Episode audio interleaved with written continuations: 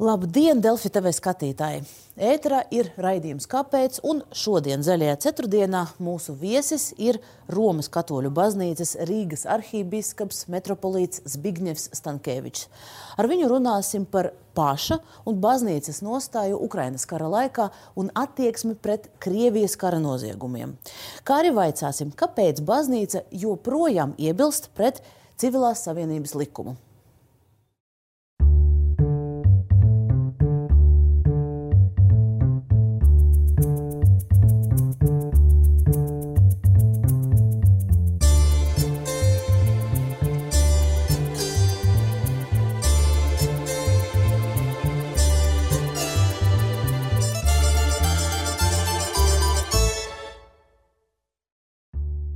Zbigņevs Stankēvičs. Dzimis 1955. gadā 15. februārī Lejas ciemā, dzimtā valoda poļu. Skolas gadus pavadīja Sēlijā, pēc tam Rīgā 23 gadu vecumā ieguva inženierijas izglītību un vairākus gadus arī šajā profesijā strādājis. Tad arī pievērsies cīņas mākslām, karatē, praktizējis jogu un meditācijas, vaļasprieka līmenī nodarbojies ar kalnos kāpšanu. Jaunieša gados bijis kristietībā vīlies, tomēr caur jogu atgriezies pie pārliecības par dieva esamību. 90. gadā Stankēvičs sāka studijas Ljubljanas Katoļu universitātē, pēc kuras pabeigšanas 96. gadā tika ordinēts priestera kārtā. Vēlāk sācis kalpot Rīgas Svētā Franciska draudzē Vīkārā amatā un bijis Rīgas metropolijas garīgā semināra garīgais tēvs, bet 2001. gadā kļuvis par Vīkāru un Vecrīgas jauniešu kapelānu Svētā Jēkaba katedrālē Rīgā. 2002. gadā garīdznieks turpināja studijas Romā, kur 2008. gadā ieguva doktora gradu teoloģijā, pēc kā divus gadus vadījis Rīgas augstāko reliģijas zinātņu institūtu. 2010. gadā augustā Stankevičs kļuva par biskupu, bet 2011. gadā atzīts par Eiropas gada cilvēku Latvijā. Pirms sākt sarunu atgādināšu, ka atkārtojumā esam redzami arī RTV telekanālā, un audio versija, proti, podkāsts, ir pieejams Apple un Spotify lietotnēs. Un arhībiskaps Zbigņevs Stankevičs, Delfi TV studijā. Labdien! Labdien! Pirmām kārtām mēs runāsim par eh, aktuālāko, par karu, eh, kas notiek tepat kaimiņos Ukrajinā.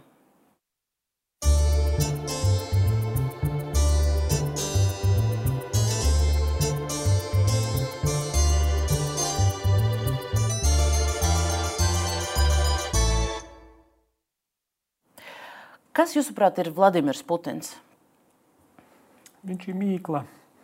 Jo par viņu runā, ka viņš domā vienu, runā otru un dara trešo.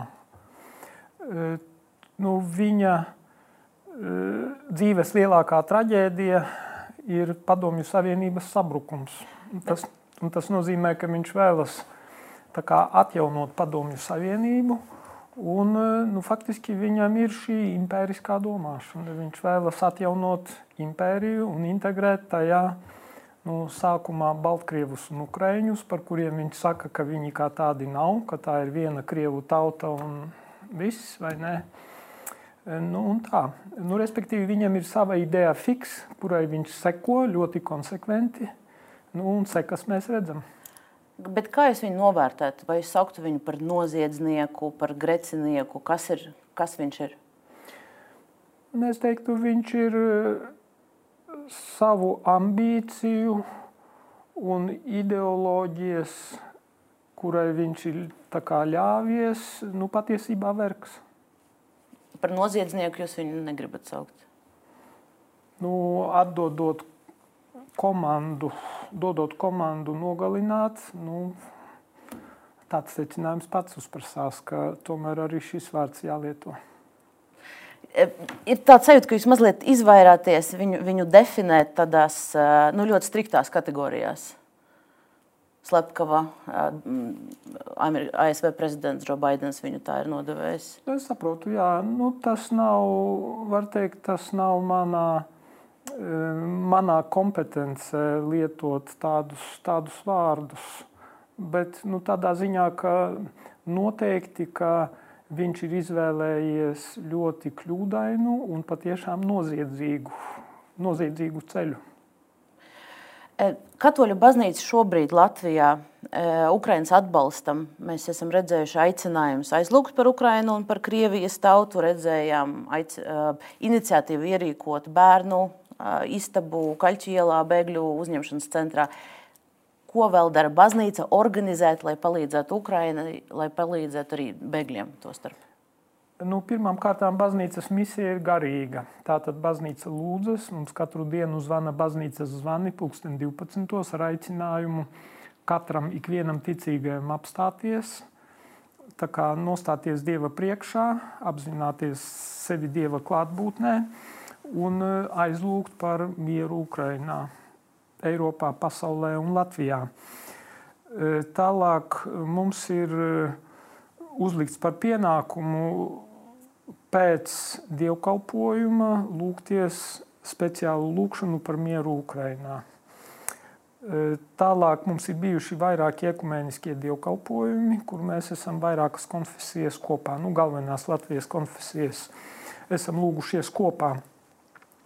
E, tas būtu viens. E, tad, tad mums baznīcās ir pie ziņojumu dēļ pielikta informācija par ar aicinājumu atbalstīt Ukrainu, atbalstīt bēgļus. Un tur ir konta numurs, un ar to mums patiesībā nodarbojas Karitas, kas ir žēlsirdības, vispasaules žēlsirdības organizācija, kurai atzarojums ir arī Latvijā, Karitas Latvija. Un Karitas Latvija ir iesaistījusies arī nevalstisko organizāciju tādā tīklā, E, kurš nodarbojas tieši ar palīdzību Ukraiņai un palīdzību bēgļiem. Un saņēmusi sarakstu no Karitas Ukraina, e, kas ir e, Ukraiņas Grieķu katoļu baznīcas organizācija, vajadzību sarakstu, un arī no Romas katoļu baznīcas, tas ir Karitas Spe, saucās tā organizācija. Un tagad tā kā mēģina sadarbībā ar šo, šo nevalstisko organizāciju tīklu nu, sūtīt to palīdzību, ko viņi ir palūguši. Tālāk Karitas ir e, nodrošinājusi arī e, trīs, trīs štata vietas muceniekos, kas ir sociālais darbinieks. Bet tas bija vēl pirms kara. Ja Vēl pirms kara, bet nu, tagad tur jau tie Ukraiņas bēgļi, tur arī tajā centrā. Un, cik atceros, 16 mentora vietas. Bet, kāpēc pati baznīca neiesaistītos tādā praktiskā palīdzībā? Mēs redzam, ka daudzas nevalstiskās organizācijas šobrīd vāc ziedojumus, vāc mantas, organizē apmaiņu punktus, kur bēgļi varētu ierasties un ierasties apģērbus paņemt, um, pamperus bērniem un tā tālāk. Un tā trūkst reģionos šobrīd. Baznīca varbūt varētu to lomu uzņemties. Nē, nu mēs Karitas to koordinē. Karitas to koordinē un tur arī ir tā praktiskā palīdzība. Tā ka tas Un, piemēram, 25. martā, kad visā pasaulē katoļu baznīcās notika aizlūgums par mieru Ukrajinā, tad arī tika Latvijā vākti ziedojumi visās baznīcās Ukrainas tieši bēgļu atbalstam. Jūs saskaitījāt, cik tika savākts? Nē, es neesmu, neesmu skaitījis to. Tas ir kar, nu, Karitas to koordinē. Uh, Pēdējā laikā diezgan daudz tiek runāts par, par tādu šķelšanos Latvijas sabiedrībā. Ir daudzi joprojām, kas atbalsta karu arī Latvijā, vai arī draudzēs. Jūs zināt par domstarpībām, par kaut kādiem pat iespējams konfliktiem, dēļ tā, ka nu, ir draugu locekļi, līdzīgi kā pandēmijas laikā, kas, kas joprojām ir antivakseri. Un Šeit nē, man tādas informācijas nav. Man neviena konflikta situācija nav signalizēta tieši draudzēs. Gluži otrādi, jau jūsu minētā iniciatīva par mm, teiksim, to iespēju gleznot, eh, kas tika nodrošināta mm, bēgļu bērniem, tā nāca no mūsu Krievu kopienas locekles, kas ir bijusī Maskaviete Viņa ir pārcēlusies no Maskavas uz Rīgu pirms dažiem gadiem. mākslas vēsturniece, rakstniece, un viņa atnāca pie manis un teica, man sāp sirds par tiem bērniem, e, vajag kaut ko darīt viņu labā, un es uzreiz atsaucos uz šo viņas iniciatīvu. Arī Rīgas doma bija pretīm nākoša, iedeva ļoti labu telpu Kaļķu ielā viens, kur ir tas bēgļu atbalsta centrs, un Karitas Latvija nodrošināja visu mēbeles, aprīkojumu un visu saka, darba instrumentus tiem bērniem. Nu, tas ir labi aizgājis. Un mēs plānojam arī 8. maijā rīkot izstādi mūsu kūrijas telpās, Svētdienas skolas telpās, atklāt izstādi ar tiem darbiem. Un Karitas organizē arī, lai katram uh, izstādes dalībniekam būtu kāda balva un organizē arī ziedojumu vākšanu tam. Nu, un pirmo balvu man tā teica, ka tāds mazs sapnītis ir mm, e, iedot ceļazīmi ar biļetēm un viss apmaksāts uz Vatikānu, uz piemēram, Svētā Pētera baziliku un iespējams arī mm, e, vispārējās audienas ietvaros, nu tad arī ar pāvestu varētu tikties. Bet jūs detalizētāk varat paskaidrot, ko Karitas dara, lai nu, praktiski atbalstītu bēgļus. Jūs teicat, ka ir tas sāraksts, bet pieņemsim Latvijas nu, pašvaldībās, kur bēgļi tiek novirzīti, varbūt tur kaut kas. Nē, nu mēs arī draudzēs aicinām cilvēkus atsaukties un sadarboties. Uh, Un, ja jūs gribat zināt detaļas, tad uzaiciniet lūdzu mūsu karitas direktori, un tad viņa jums det detaļās, kā saka, visu stāstīs. Es koordinēju vispārējos vilcienos. Tad, tad par vispārējiem vilcieniem. Jūs Jā. vienā, vienā no intervijām pieminējāt, ka pēc jūsuprāt visa pasaule ir pieļāvusi šo karu, jo nav pietiekoši daudz darīts, lai to novērstu. Jautājums Jā. ir par katoļu baznīcu. Vai jūs um, esat domājis par to, kādi bija konkrētie soļi, ko jūs, ko visa baznīca iespējams neizdarīja, ne, nespēra, lai, lai, lai novērstu?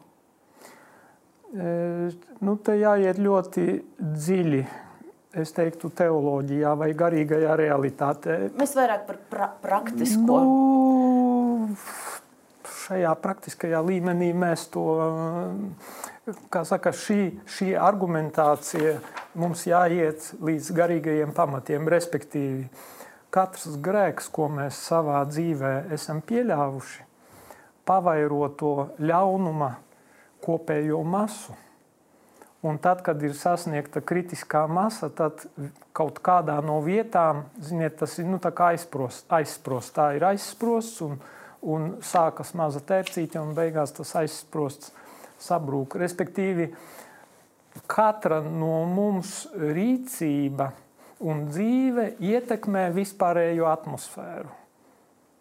Lūk, tā ir tā, nu, tā, ir tā atbilde. Okay teoloģiskais skatījums, sapratām atkal mazliet par, par, par praksi vairāk. Sarunas sākumā jūs bijat tā izvairīgs nosaukt Vladimiru Putinu par, par to, kas viņš ir. Tāpēc izvairīgs es viņu nosaucu ļoti konkrēti. Jūs vēlaties man tā kā ielikt mutē, lai es sniedzu atbildi. Es sniedzu atbildi tādu, kādu es uzskatu par pareizu. Kā saka, respektēsim viens otra, viens otra redzējumu. Jo jūs tā kā uz mani mēģināt izdarīt spiedienu, lai es pasaku to, jū, to, ko jūs vēlaties. Atstājiet man lūdzu izvēles brīvību. Es atstāju, bet uh, tas daudz... nav, tas nav korekti, kad ir, kad ir spiediens. Daudzos cilvēkos tas var raisīt neizpratni, jo Vladimirs Putins slepkavo. Nu, tad, saku, ir tā ir noziedzīga rīcība. Vai jums ar to nepietiek? Nav nozīmes, vai, pie, vai pietiek man. Es, es jūtu, ka skatītājiem var nepietikt. Bet par jūsu teikto tikšanās pie prezidenta. 7. martā tiekaties ar valsts prezidentu, arī ar citiem reliģisko konfesiju līderiem. Un es parādīšu skatītājiem to, ko jūs teicāt pēc tikšanās Rīgas pilī. Jūs minējāt, ka agresija, kas vērsta pret Ukrajinu, nav radusies no tukša gaisa, un tas nav viena impulsa rezultāts. Tie ir procesi, kas gājuši uz priekšu un attīstījušies ne tikai Krievijā, bet arī visā rietumu pasaulē.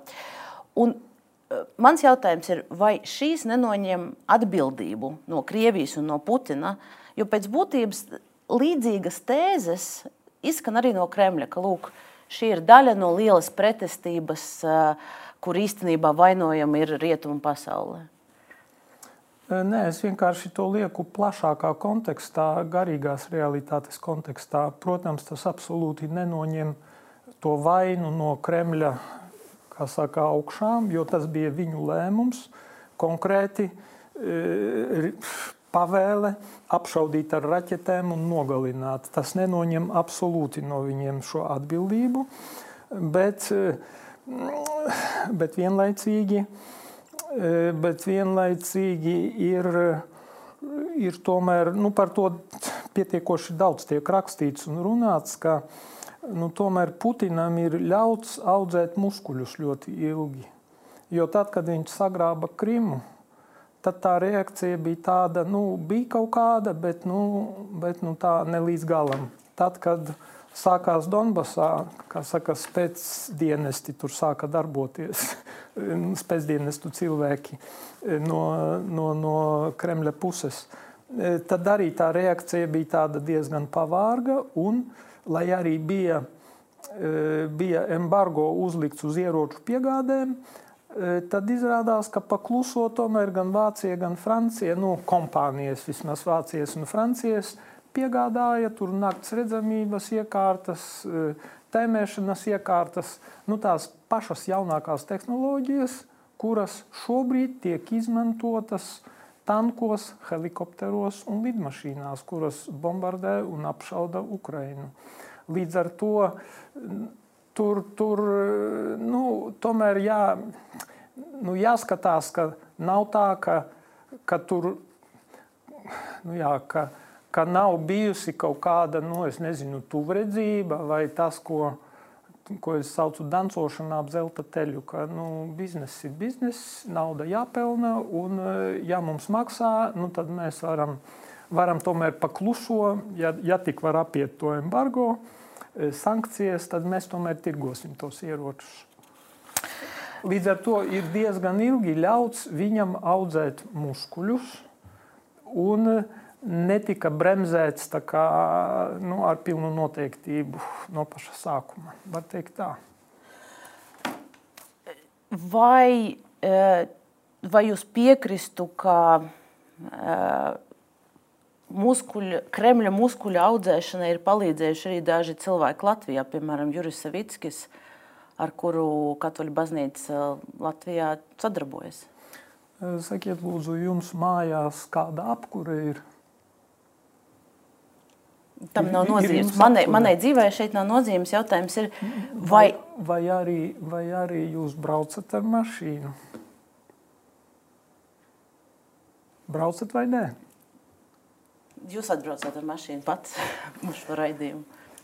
Nu, bet jūs neatbildat uz manu jautājumu. Atbildiet uz manu, tad es jums atbildēšu. Ne, jautājums, ne, tas, tas nav par mani vai, vai par to, kādu, kādu apkuri vai, vai, vai benzīnu kāds lieto, bet uh, Juris Savickis ir cilvēks, kas ir uh, viņa uzņēmuma līdzīpašnieks, ir Krievijas valsts uzņēmums. Uh, viņa vadīts Dinamo sponsors bija Rosnefts. Viņa vadīts Dinamo sponsors bija Gazprom eksports. Uh, Viņš publiski lobēja pret Latvijas atkarības no Krievijas gāzes mazināšanu. Tas viss liecina, ka viņš ir bijis instruments Krievijas interesēm.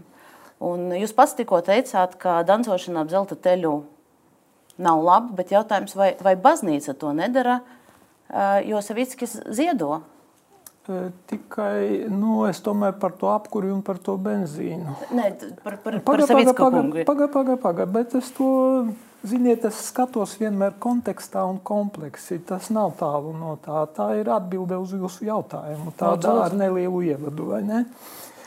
E, saprotiet, ja mēs šajā loģikā ieejam, tad katrs, kurš lieto apkuri, kur, jo e, Rīgas siltums izmanto līdz šim Krievijas gāzi, da, daļu vismaz e, apkurē. Tālāk tā degviela, ko mēs lejam iekšā mūsu mašīnās, arī ir eh, ar Krievijas naftu. Respektīvi, ja mēs tā skatāmies, tad saka, asins nauda, tad mēs ik viens esam līdzdalīgi tajā asins naudā. Bet mēs nevaram pielīdzināt mūsu katru pie cilvēka, kurš tiešā veidā uh, sadarbojas ar Krievijas valdības uzņēmumiem. Jā, bet tikai kamēr karš nebija sācies, tikmēr nu, vienkārši var teikt tā, ka karš atvēra acis mums, vai ne? Lielā mērā. Un... Ne gluži jūs tikko pats teicāt, ka rietumu pasaulē neskat, nepietiekoši pievērs uzmanību tam, ko Krievija jā, darīja. Jā. Tad jau 14. Jā. gadā mēs varējām jau. Varējām, jā. Un jūs arī varējāt? Varējām, pagaidiet, bet nu ir, ir vispār, saka, vispārējie procesi un kā es arī man tur jautāju, ar ko es tur sadarbojos, es sadarbojos ar mūsu valstī legālām, atzītām, oficiālām struktūrām. Un jūsu minētais uzņēmums, viņš nav aizliegts Latvijā, viņš, nav, viņš ir darbojies legāli ar Latvijas varas orgānu saka, akceptu.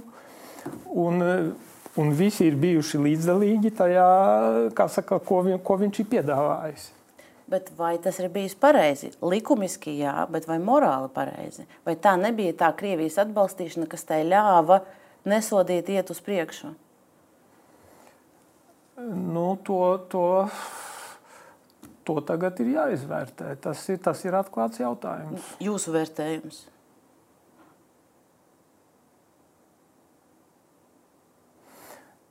Nu, katrā ziņā es teiktu tā, ka kamēr, kamēr karš nebija sācies, visi to mierīgi uztvēra un nebija, un, nu, faktiski nebija nu, neredzēja tur kaut kādu īpašu problēmu. Tagad karš notiek. Vai, nu, vai, vai baznīca turpinās pieņemt ziedojumus, piemēram, no Savicka kunga? Redziet, Savicka kungs darbojas legālās Latvijas likumu ietvaros, legālos Latvijas likumu ietvaros. To mēs jau nolikām malā. Mēs runājam par, morā, par morālu un par Krievijas atbalstīšanu netiešo.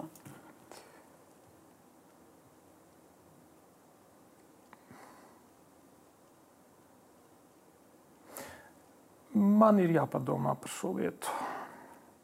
Es tā, kā saka, zem spiediena nevēlos, nevēlos kaut, ko, kaut ko jums atbildēt šai ziņā. Labi, tad, tad nu, mēs atgriezīsimies acīm redzami pie šī jautājuma. Un, cik ilgi jums būtu jādomā? Nu, dzīvosim, redzēsim karš jau rīt 50 eh, dienas, ja nemaldos. Vai šis nebija pietiekošs laiks, lai, lai, šo, lai šo apdomātu?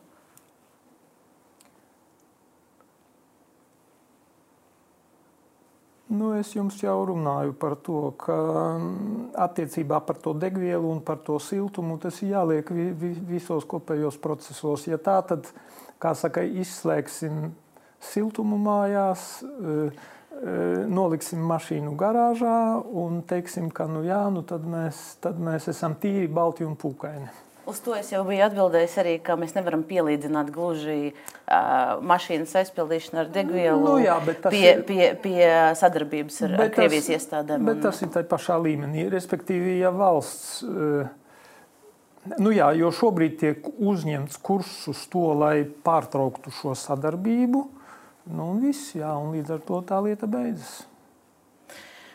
Tad nepieņem ziedojumus vairs. Pagaidiet, eh, Savicka kungs, viņš nav,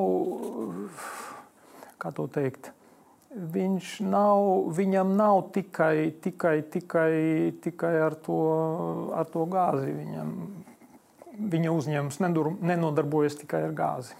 Bet no ar gāzi arī nodarbojas. Mēs jau par gāzi arī, jā. Nu jā, es domāju, mums nav ko par viņu stāstīt. Jā, es jums piekrītu. Mēs jums jūs savus argumentus esat izklāstījis. Bet... Pieliksim tam punktu un ejam tālāk. Kādi jums vēl jautājumi ir? Man vēl jautājums ir par jūsu teikto 25. martā, ja nemaldos, bija liels dievkalpojums ar jā. aicinājumu arī palīdzēt Ukrainai. Un te ir vēl viens citāts no jūsu teiktā, diemžēl arī tikai uz rakstiskā formā, bet jūs toreiz teicāt, ka šajā kara mehānismā būtisks aspekts un lielākais miera draudz mūsdienās ir aborti, kuros nogalina vairāk bērnu nekā pasaules karos kopā. Atkal, vai šī nav uzmanības novēršana no, tās, no, tos, no tām slepkavībām, kas šobrīd notiek Ukrainā? Daudz to sauc arī par genocīdu. Uh, uz, uz, uz citu jautājumu. Nē, nē. Kā tas var būt, ka šobrīd par lielāku draudu jūs saucat abortus, nevis Krievijas armiju? Tūlīt es jums paskaidrošu. No 1973. līdz 2003. gadam pasaulē abortos ir nogalināts viens miljards bērnu. Eiropas Savienībā gadā nogalina 1 miljonu 200 tūkstošus. Latvijā pēdējos gados nu, esam nogājuši jau zem 4000 gadā. Tomēr Latvijā patiešām paldies Dievam, ka tā apziņa ar vienu jau kaut kā pieaugu un e, tas skaits nu, vidēji statistiski katru gadu samazinās. Un māte Terēza no Kalkutas, viņa teica tā, ka karš sākas mātes miesās. Ja māte var nogalināt savu bērnu, tad kas traucē pēc tam mums vienam otru nogalināt. Krievijā ir milzīgs abortu skaits. Milzīgs. Patiesībā Padomju Savienība, cik es atceros, bija pirmā, kas legalizēja tos abortus. Un tā mentalitāte, kas tur ir iesakņojusies, viņa, respektīvi, ir, tas ir respekta trūkums pret dzīvību. Un tas pēc tam nododas tālāk, Un karavīri pēc tam, respektīvi, ja, ja var slepkavot bērnus mātes miesās, tad var slepkavot arī ukrāņus. Teiksim, tur ir tā loģika. Bet tam ir arī plašāks konteksts. Bet vai šobrīd no jums, kā cilvēka ar ļoti augstu autoritāti Latvijas sabiedrībā, liekot šo jautājumu augstāk par, par, par kara noziegumiem, nu, jūs novēršat uzmanību no, no kara? Ar, ar šādiem izteikumiem? Nē, es nenovēršu. Es eh, parādu uz kara dziļākajiem cēloņiem. Kā jau teicu, ka es lieku plašākā kontekstā, un to daudziem ir grūti kā, saprast un paskatīties kompleksi uz problēmu. Eh, tas, ko jūs teicāt, eh, šajā dievkalpojumā īstenībā gandrīz Dažas frāzes ir identiskas tam, ko uz skrejlapiņām saņem bēgļi no Ukrainas, kad viņi ierodas Polijā, kur viņus pie robežas satiek aktīvisti. Es gribēju vienu nelielu video parādīt, kas parāda to, kas Ukraiņā šobrīd notiek, ar ko saskarās Ukraiņas sievietes, un tad mēs turpināsim par abortiem runāt un baznīcas nostāju. Labi. A soldier entered our house. My husband and I were there. At gunpoint, he took me to a neighboring house. He was ordering me, Take your clothes off, or I'll shoot you. Then he started raping me. While he was doing that, four more soldiers entered. I thought I was done for, but they took him away. She returned home to find her husband shot in the abdomen. He died two days later. About 25 girls and women aged 14 to 24 were raped during the occupation in the basement of one house in Bucha. Nine of them are pregnant. A 25 year old woman called to tell us her 16 year old sister was raped in the street in front of her. Tagad ir ziņas no Polijas. Izvarotas Krievijas okupantu izvarotas sievietes nonāk Polijā, un tur viņām nav pieejas grūtniecības pārtraukšanai. Vai jūs pieļaujat, ka šajā gadījumā, kara gadījumā, baznīcai ir jāpārskata šī dogma? Nē, un paskaidrošu, kāpēc. Protams, ka tos izvarotājus vajadzētu visus saka, izķeksēt, atrast un saukt pie atbildības, lai viņi atbild par savu noziegumu, jo tas ir noziegums un tas ir kaut kas nepieļaujams. Bet, ja jau tas bērns mātes miesās ir ieņemts, tad ar to brīdi, kad viņš ir ieņemts, viņš vairs nav mātes īpašums, viņš ir cilvēciska būtne, kurai ir tiesības uz savu cieņu, ir uz savu tiesības dzīvot, un tā ir slepkavība viņu nogalināt. Un, protams, šeit šīm sievietēm, kuras, protams, ir cietušas un to, to, to nevar noliegt, sabiedrībai būtu jānāk palīgā, jo cilvēka dzīvība ir svēta un neizskarama. Un tad, ja māte nav gatava viņu pieņemt, tad lūk tām neauglīgajām, neauglīgajiem pāriem, neauglīgajām ģimenēm, tā ir ļoti laba iespēja pieteikties uz adopciju un uzaudzināt šo bērnu. Jo katrā šajā ieņemtajā bērnā Dievs ir ielicis visu bagātību, cilvēciskās būtnes bagātību, potenciālu, un tie varbūt ir nākošie Einsteini, Beethoveni un Lomonosovi un nezinu, kas vēl Raiņi un, un tā tālāk. Un tas, jā, tas ir noziegums nogalināt šo bērnu, kurš neatbild par savu vecāku, nu šajā gadījumā tur vecāku tas patiešām negribās pat to vārdu pielietot, vecāks attiecībā uz to zaldātu, kas ir izvarojis. Bet bērns nav atbildīgs par sava tēva grēkiem. Viņu nevar likvidēt, nogalināt, tāpēc, ka viņa tēvs ir sagrēkojis, būdams izvarotājs un vardarbīgs, varmāk. Bet vai šajā gadījumā tās sievietes ciešanas nav būtiskas? Jo pētījumos ir, ir pierādīts, ka sievietes, kas uh, laiž pasaulē izvarošanas rezultātā ieņemtus bērnus, viņam ir uh, daudz lielāks posttraumatisko traucējumu risks, paškaitējuma risks. Uh, mēģinājumi pašiem izsaukt abortu, kas ir dzīvībai bīstami, ir novēroti arī diezgan bieži. Vai jūs ar šo zem sitiena nepaliekat to sievieti un viņu neglābiet? Nē, bet jūs paliekat zem sitiena viņu aizstāvot viņas tā saucamās tiesības uz abortu, jo vienalga postaborta sindroms paliek, tur viņš nekur nepazūd. Un viņai tā trauma ir vēl lielāka no tā aborta, nekā ja viņa iznēsātu to bērniņu un atdotu uz adopciju. Kā jūs to zinat? To rāda pētījumi konkrēti, to rāda prakse. Jūs esat runājis ar, ar, ar sievietēm, kas, kas ir uh, izvēlējušies uh, veikt abortu pēc izvarošanas? Nav nācies, bet, bet, es, bet man pietiekoši daudz informācijas ir par sievietēm, kuras veikušas abortu un kuras pēc tam mokās ļoti ilgi. Ļoti ilgi un patiešām tur ir vajadzīga uh, es teiktu, nu, dziedināšana, kas nāk no dieva, lai, lai viņas tiktu tam pāri. Nelielu, vēl, vēl vienu nelielu fragment uh, parādīšu. Tas ir uh, fragments no manas kolēģis uh, Kristīnas Žildes uh, sižeta kolēģa televīzijas kanāla TV3 uh, tieši par to, kas Polijā notiek brīdī, kad tās sievietes ienāk un prasa tomēr šīs tiesības. Aktīvisti uz polijas robežas pat izplata skrejlapas, lai ukrainietis beidz nogalināt bērnus, ka aborti nogalinot vairāk cilvēku nekā karš. Vai varat iztēloties? Šim jau pieskaramies, bet jaut, tas, ko es jums gribēju prasīt, vai, vai jūs arī atbalstat šādu emocionālu spiedienu? Nē, nē, to es noteikti neatbalstu. Es esmu pret to, lai šīs sievietes apsūdzētu apsūdzētu par slepkavību, lai, viņas, nu, jā, lai uz viņām izdarītu šādu emocionālu spiedienu.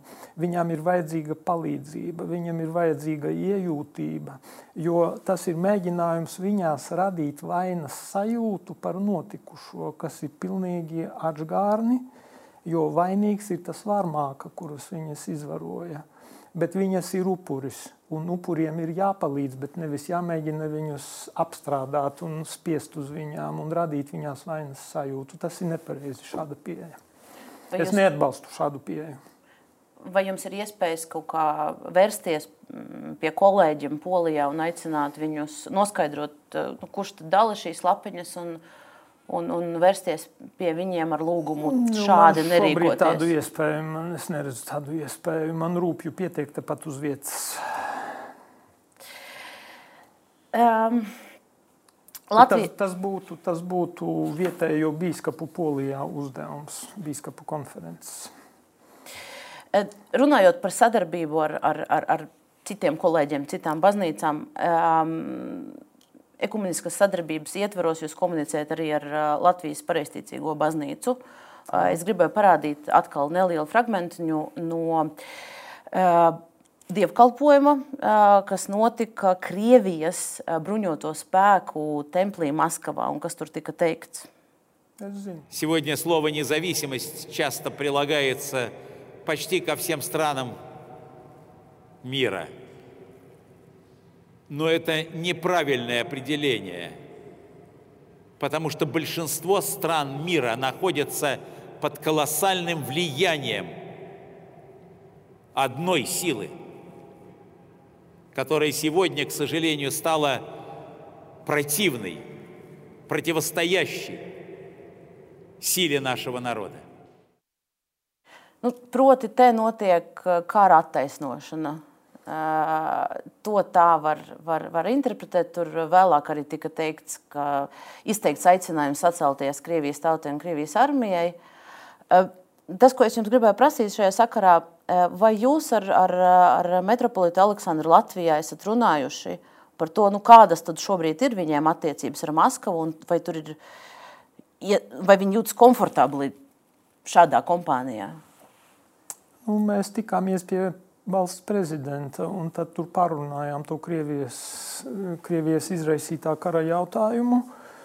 Eh, viņš metropolīts pēc tam arī deva interviju, kuru laikam jums bija iespēja redzēt. Tā ka es tur ne, nevēlos to komentēt, bet es domāju, ka mm, viņi jūtas nekomfortabli šobrīd tādu izteikumu dēļ, kuriem, manuprāt, nav nekā kopīga ar kristietību. Jo reliģija tad tiek pārvērsta par valsts varas īstenošanas instrumentu, kas nav, kas nav pieņemami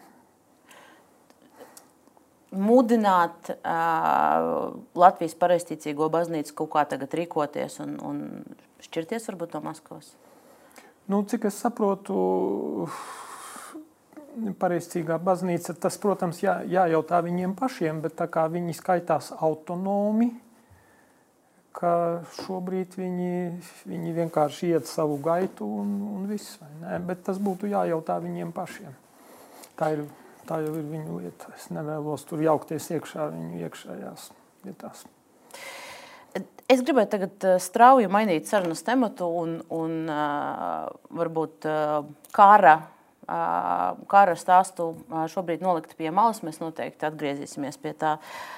Bet šobrīd parunāsim par priesteri Pāvilu Zēļu. Viņš tiek tiesāts prokuratūras ir par seksuālo vardarbību un cilvēku tirzniecību.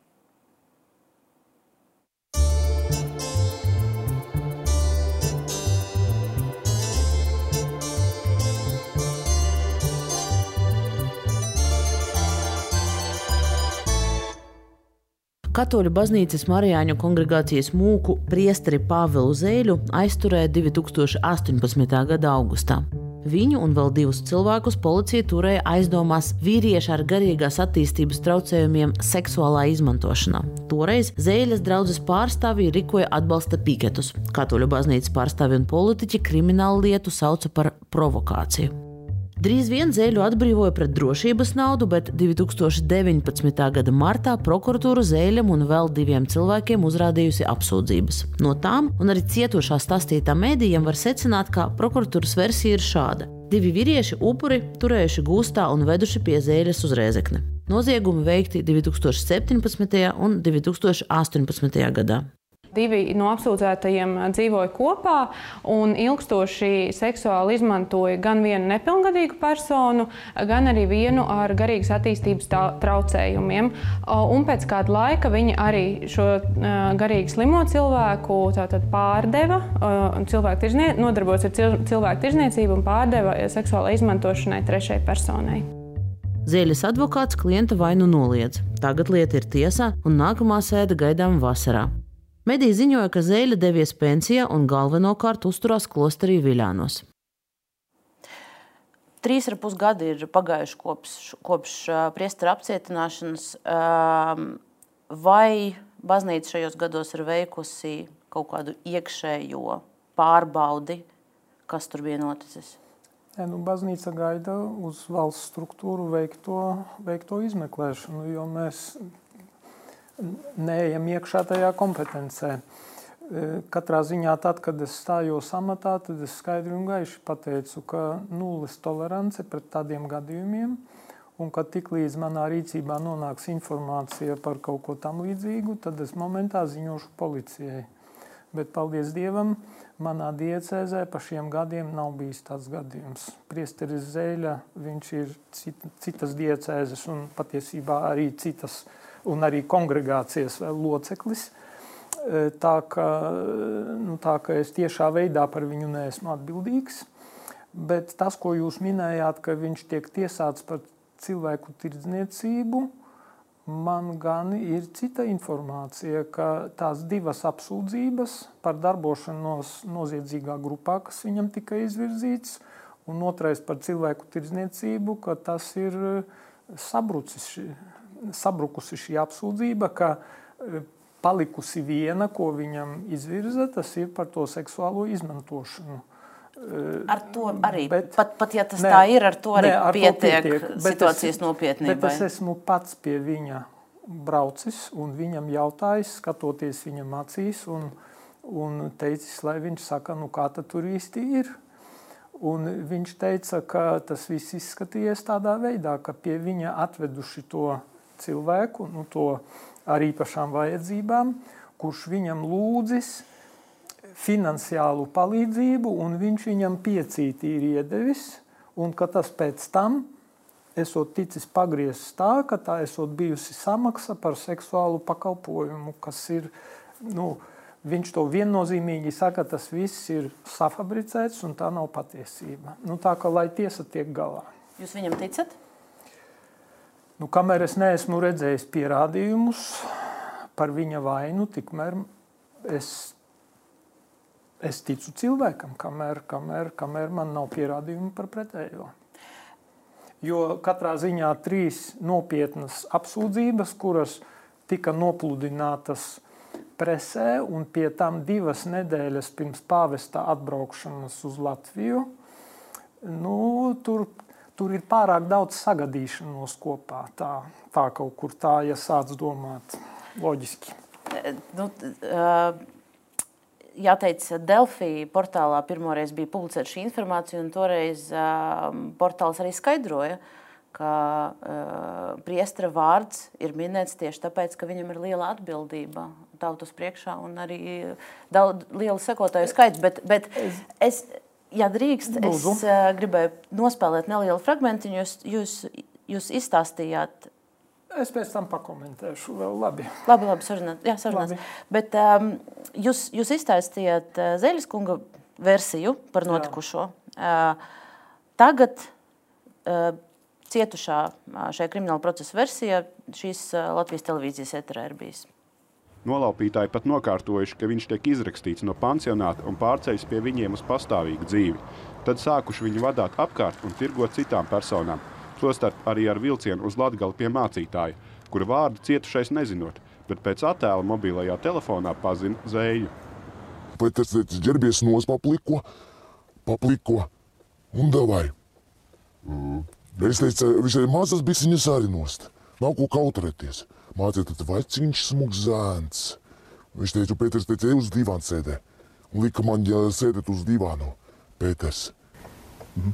Vai tas mācītājs ar tev pēc tam deva kaut kādu naudu? Jā, vai... Nē, Pēterim iedeva tikai kukuļu naudu. Mhm. Pēters teica, mācītājiem viņš nopirks man botes, drēbes nopirks. Viņš mācītājiem apsolīja to, a viņš neizdarīja, viņš bija maniem mācītājiem. Un otrais brauca pie mācītājiem to darīt lietā.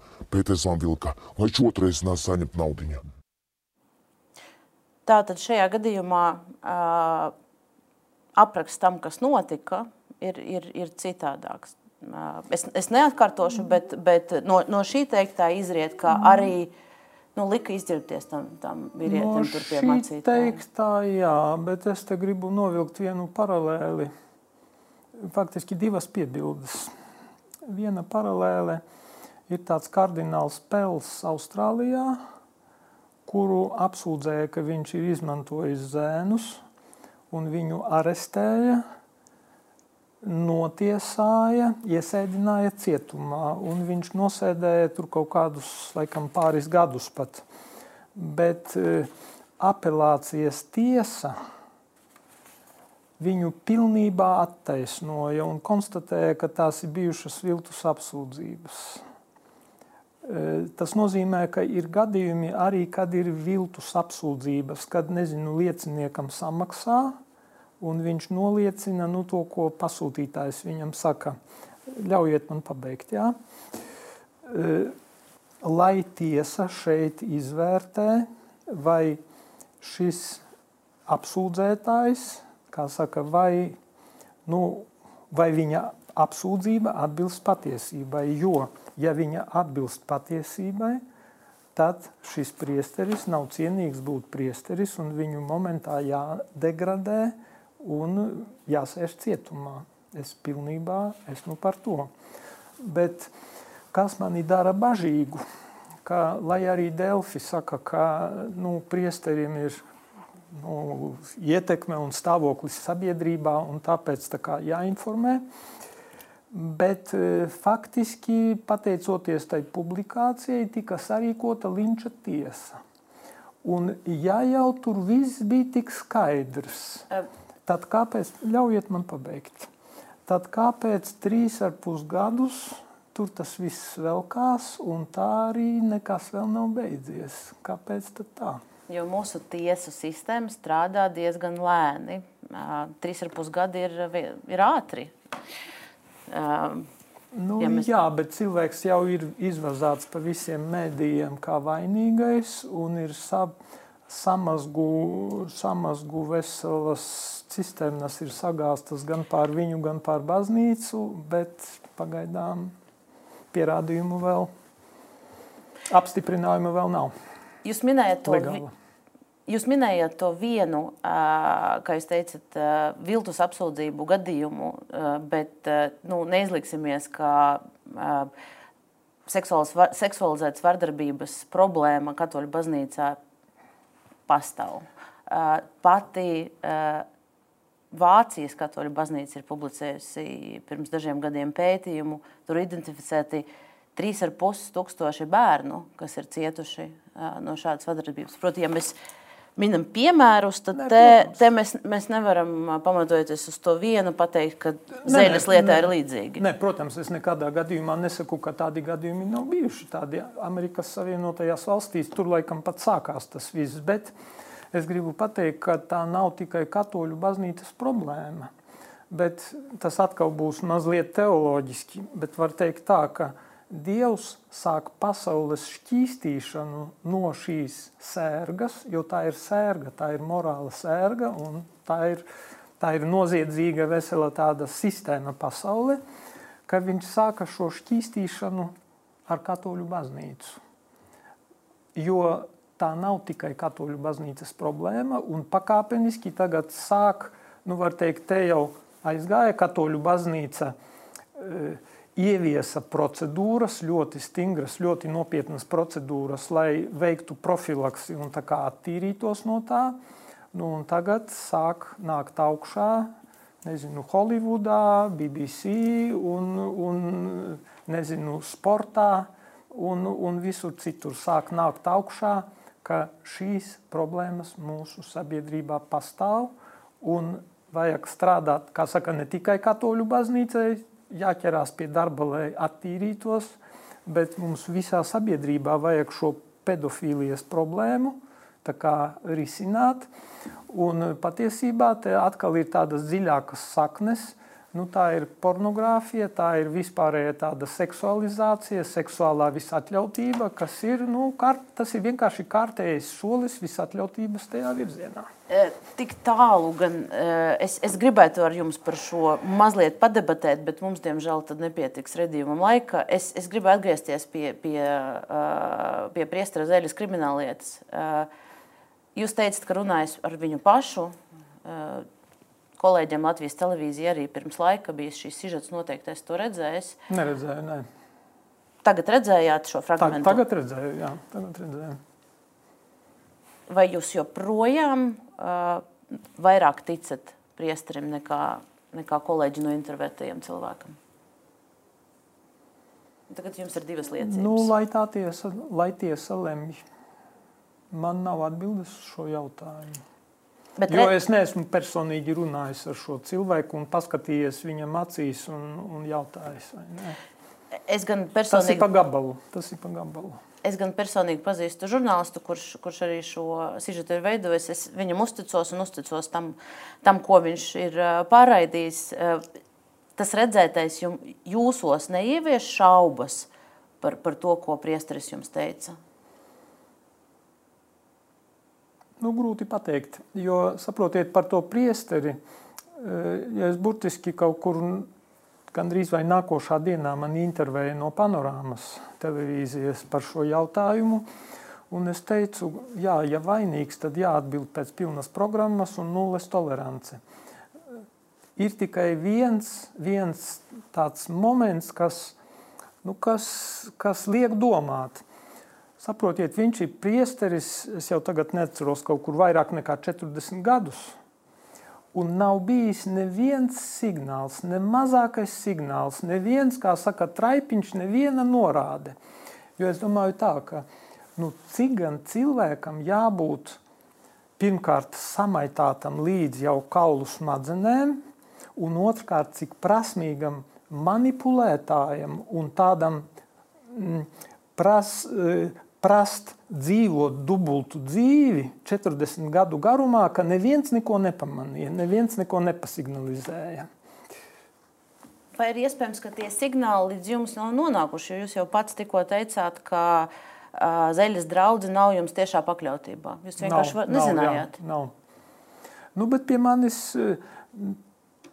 tad, kad, tad, kad mēģina signalizēt un netiek sadzirdēti, tad nāk pie manis nāk pie manis cilvēki. Tad pie jums ir bijuši cilvēki ar sūdzībām par iespējamo seksuālo vardarbību? Nu, tieši es atbildēju pašā par sākumā. Par zēļu nē, bet, bet citi? Nec par zēļu, nec arī par mazgadīgo izmantošanu man nav bijis gadījums. Jo, kā es teicu, es būtu momentā ziņojis policijai. Bet kā tas ir iespējams, ka visur uh, uh, mēs nesen saskaramies ar, ar, ar Francijas uh, lielu pētījumu paziņojumu. Tur ir uh, vairāk nekā 200 tūkstoši bērnu, kas tika izmantoti kopš 50. gada. Tad visur pasaulē, lielajās Eiropas valstīs, mēs redzam šos gadījumus, Latvijā neviena. Mūsu baznīca ir šķīstāka, vai, vai mēs vienkārši nezinām?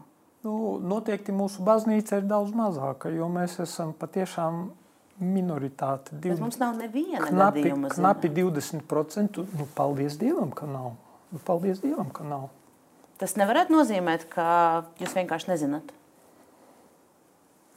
Es garantēt jums nevaru, bet es patiešām nezinu. Būtu zinājis, kā es teicu, būtu, būtu ziņojis. Jūs gājāt runāt ar, ar, ar priesteri Zēļu, vai baznīca ir mēģinājusi runāt ar, ar, ar upuri un ar iespējamu upuri un piedāvāt viņam kaut kādu palīdzību?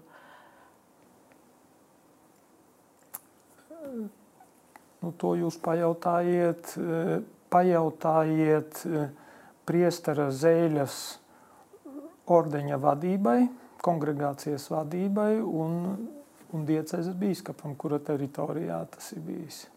Bet ar Zēļu jūs pats braucāt runāt? Braucu, jā, jo es vēlējos zināt, kā vēlējos uz viņu paskatīties un dzirdēt viņa, viņa reakciju. Kāpēc jūs negribētu eh, sameklēt to, to eh, jaunieti un, un arī viņa acīs ieskatīties?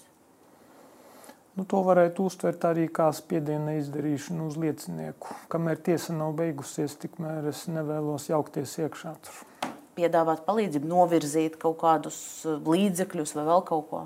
Arī to iespējams ir darīt, nesatiekoties. Nu, es jau atbildēju.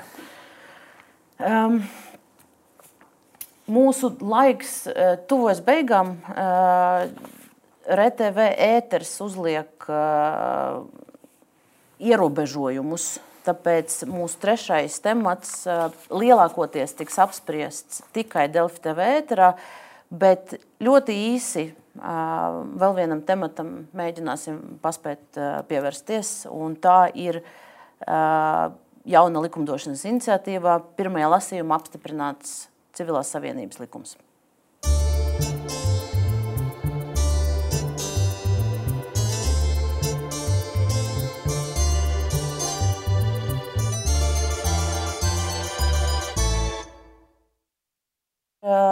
RTV skatītājiem ļoti īsi. Um, es pajautāšu, agrāk jūs esat atbalstījis ideju kā tādu par to, ka viendzīmumu pāriem var būt kaut kāds regulējums. Uh, es varu arī īsu citātu parādīt. Uh, šis bija Saimnes sociāla lietu un darba lietu komisija. Jūs teicāt, uh, Eh, tehniski atrisināt tās reālas problēmas, kuriem, kuras, kuras eh, cilvēkiem rodas, kas dzīvo kopā, un viņiem nav juridiskās tiesiskās aizsardzības. Tad tas, kas tiek tagad piedāvāts šajā likumā, pēc būtības, nu, ir, tas ir tas tehniskais nav, atbalsts. Tas ir pilnīgi kaut kas cits.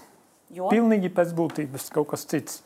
Jo pirmkārt, tur nav Nav tas plašais konteksts ņemts vērā, kur es teicu, ka tie var būt arī piemēram aizgādnis, kas aprūpē eh, kādu vecāku cilvēku, vai, vai tie var būt kaut kādi, nezinu, eh, kas adopcijas gadījums un tā tālāk.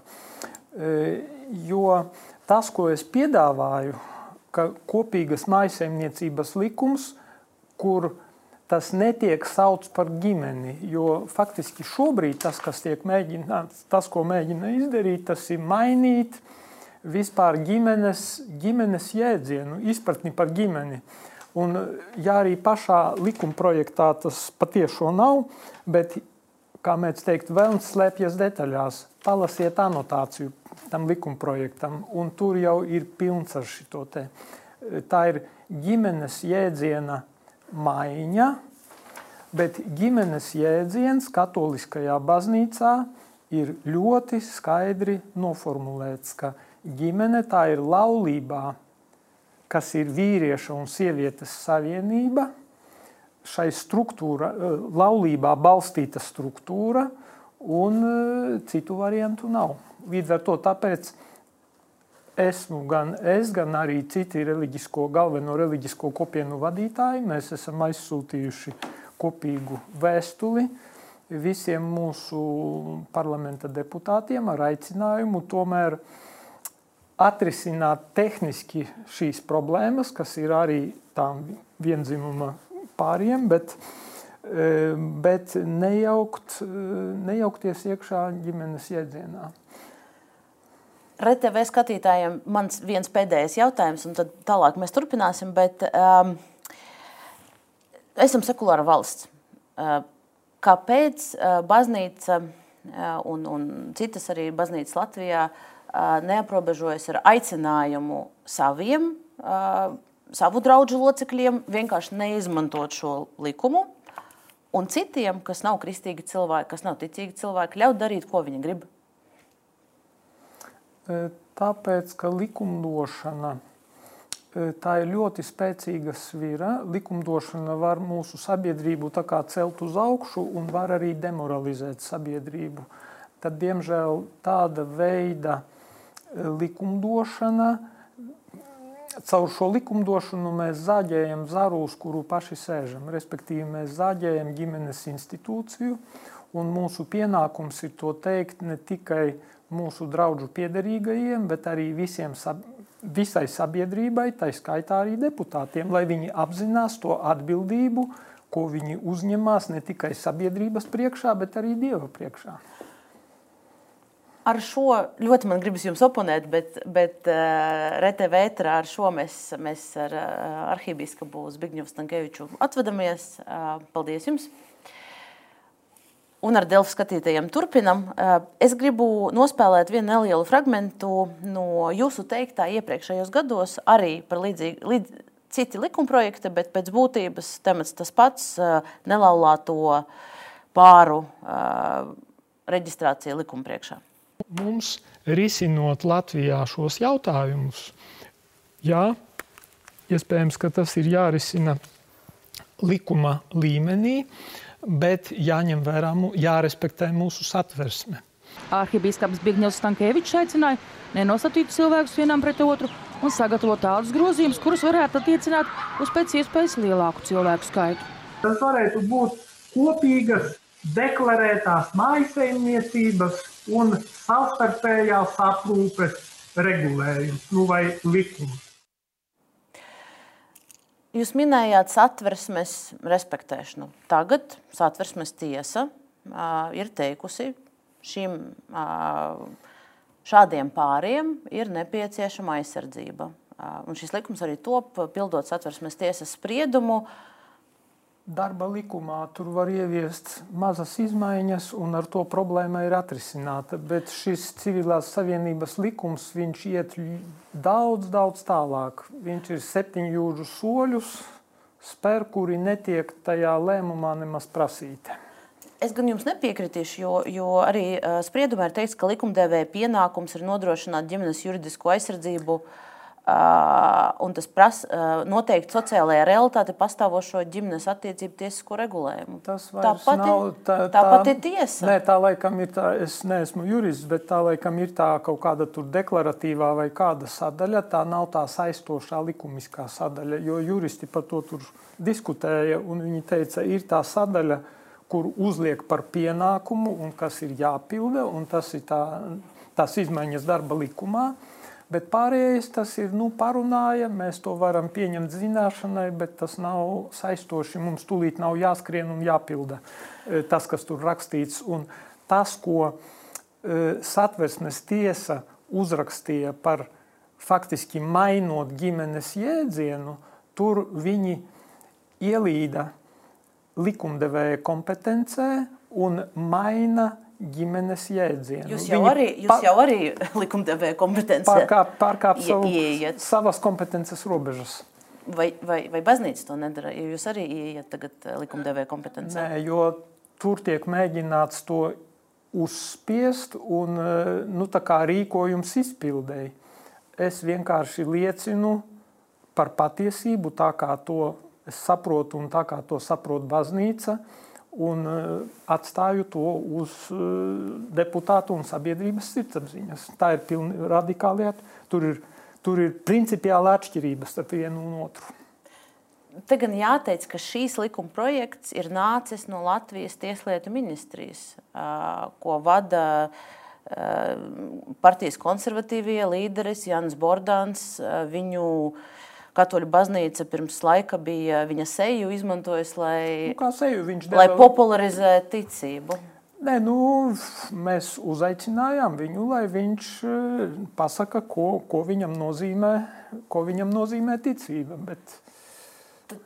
Šai gadījumā jūs neusticaties Latvijas Tieslietu ministrijai? Nē, šai gadījumā, jo tika nodibināta darba grupa Tieslietu ministrijā, lai strādātu pie šīm izmaiņām. E, konfesijas nodeleģēja savus pārstāvjus.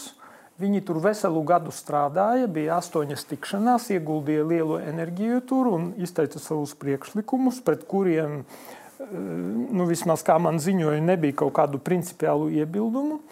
Un pēkšņi kā zibens spēriens no skaidrām debesīm parādās civilās savienības likuma projekts, kuram nav nekā kopīga ar to, kas tika apspriests tajā darba grupā un tiek iesniegts saimā. Nu, tas vienkārši darba grupas locekļiem bija šoks, pārsteigums un vilšanās. Kāpēc gan konfesiju, reliģisko konfesiju pārstāvjiem ir jābūt tajā darba grupā, ja jūs pats teicāt, ka nu, konfesijas neiejaucas likumdošanā? Nu, jā, bet, Tā, mūs, tas ir likumdošanas process. Nu, jā, bet tur tika pieaicināti nevalstisko organizāciju pārstāvi un arī konfesiju pārstāvi, tāpat LGBT kopienas pārstāvi vienkārši nāca un mēģināja atrast kopsaucēju, jo tas, ko es definēju pašā sākumā, ka lūdzu risināsim arī šīs LGBT kopienas problēmas, bet ne, nemēģināsim mainīt ģimenes jēdzienu, ģimenes koncepciju. Tā kā sasniegsim kaut kādu kompromisu, atrisināsim jūsu reālās problēmas, bet nejauksimies ģimenes konceptā. Un tas, diemžēl, netika šobrīd šajā likumprojektā tas netiek respektēts, bīdot uz priekšu šo likumprojektu. Bet atgriežoties par manu jautājumu par Tieslietu ministriju, te man ir likuma projekts. Juridiskās komisijas priekšsēdētājs Jurškungs, tagad viņš karo Ukrainā un, un nav, nav vairs darbā saimā, bet nu, katrā gadījumā partijas konservatīvie arī viens no līderiem.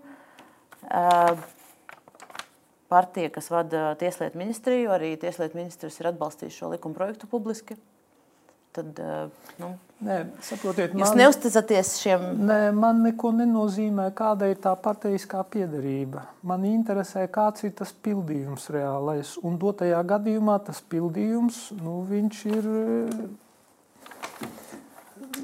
Viņš, viņš nonāk konfliktā ar to, ko, nu, ko, ko baznīca atpazīst kā kā mūsu sabiedrības pamatu veidojošu principu. Ja mēs skatāmies uz tā likuma pašu tekstu, jūs jau minējāt anotāciju, bet teksts pēc būtības nosaka veidu, kā reģistrēt šo civilo savienību, tad uh, tur arī ir veids, kā to uh, pārtraukt. Jā. Kopīgi piedarošās mandas pārvaldība pienākums kopā maksāt rēķinus pēc būtības. Tas arī ir viss, kas tur ir. Nu, šajos punktos Jā, bet tas, ko mūsu darba grupas pārstāvi, rezumējot to visu, pateica, ka tas ir laulības institūta surrogāts. Tāds atvieglinātā versija, kas, mm, es teiktu tā, tas neveido savstarpējo atbildību tajos cilvēkos, kas stājas šāda veida savienībā. Bet tas viņiem jo. palīdz un viņus mazliet aizsargā. Vai, vai tas ir slikti?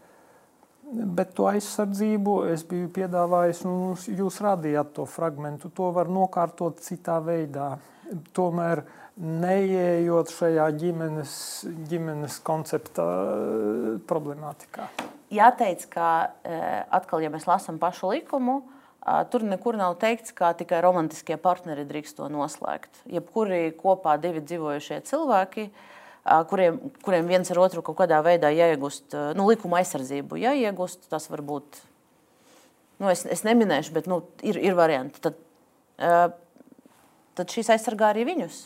Tā nav teikts, ka es šis saprotu, ir tikai, bet, tikai mīlnieki. Bet, ziniet, lai mēs nestaigātu par riņķi un netērētu veltīgi laiku, gribu pateikt, ka šos mērķus, to, to kā saka, vajadzību minimumu var atrisināt citā veidā, bet šis ir viņš vaina laulības institūtu un zaļie zaru, uz kura mēs sēžam. Un nestaigāsim vairāk par riņķi, pāriesim pie nākošā jautājuma.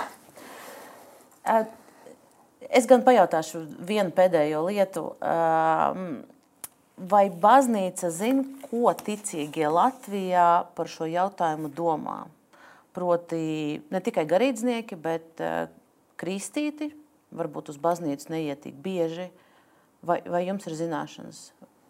Varbūt jūsu viedokļi atšķirās no viņa? Daudz maz es stādos priekšā, bet lieta tāda, ka e, tomēr nu, pie mums baznīcā ir ļoti skaidri tās lietas nostādītas. Ir tā saucamais baznīcas maģistērijas, kas ir baznīcas oficiālā mācība. Un tā ir ierakstīta katru nu, pirmkārt, bāze, protams, ir svētie raksti, un tad šo svēto rakstu skaidrojumus aktualizācija mūsdienu situācijai. Tas ir Katoliskās baznīcas katehisms.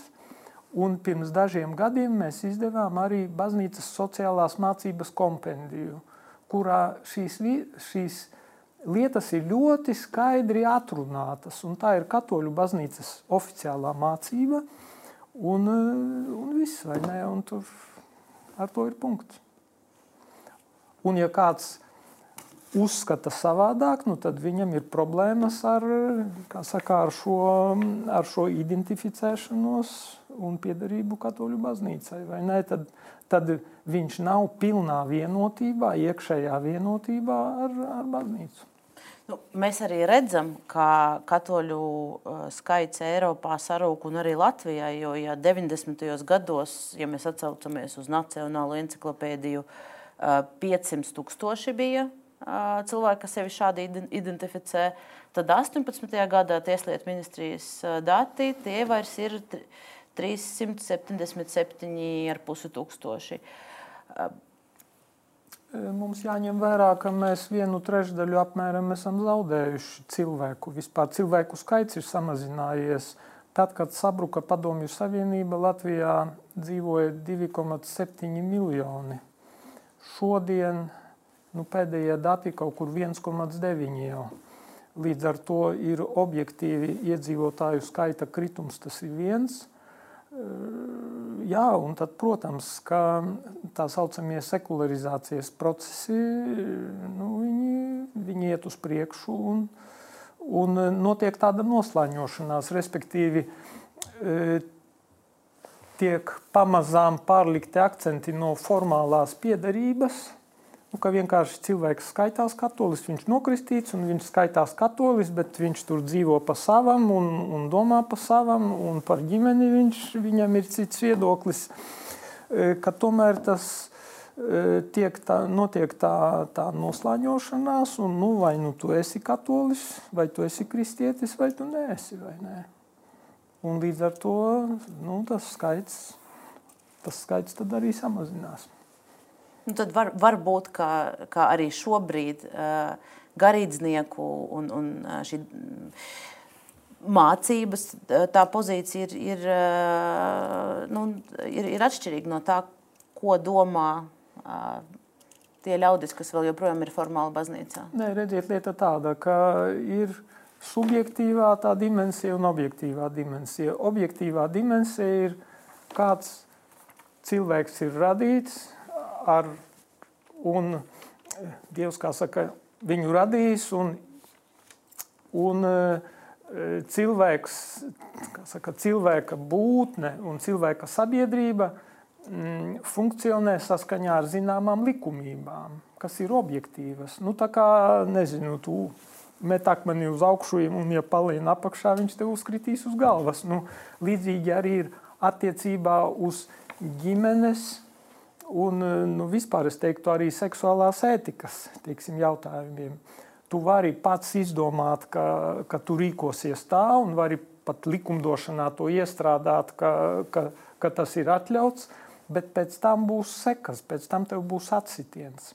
Un baznīcas pienākums ir nevis izdabāt cilvēku iegribām un sekot laikmeta modei, bet, bet sekot objektīvajām likumībām, kuras ir ierakstītas cilvēka dabā, un kuras Dievs ir atklājis, un kuras zinātnē, ja vien viņa nav ar ideoloģiju saindēta, zinātnē arī to var pakāpeniski atklāt.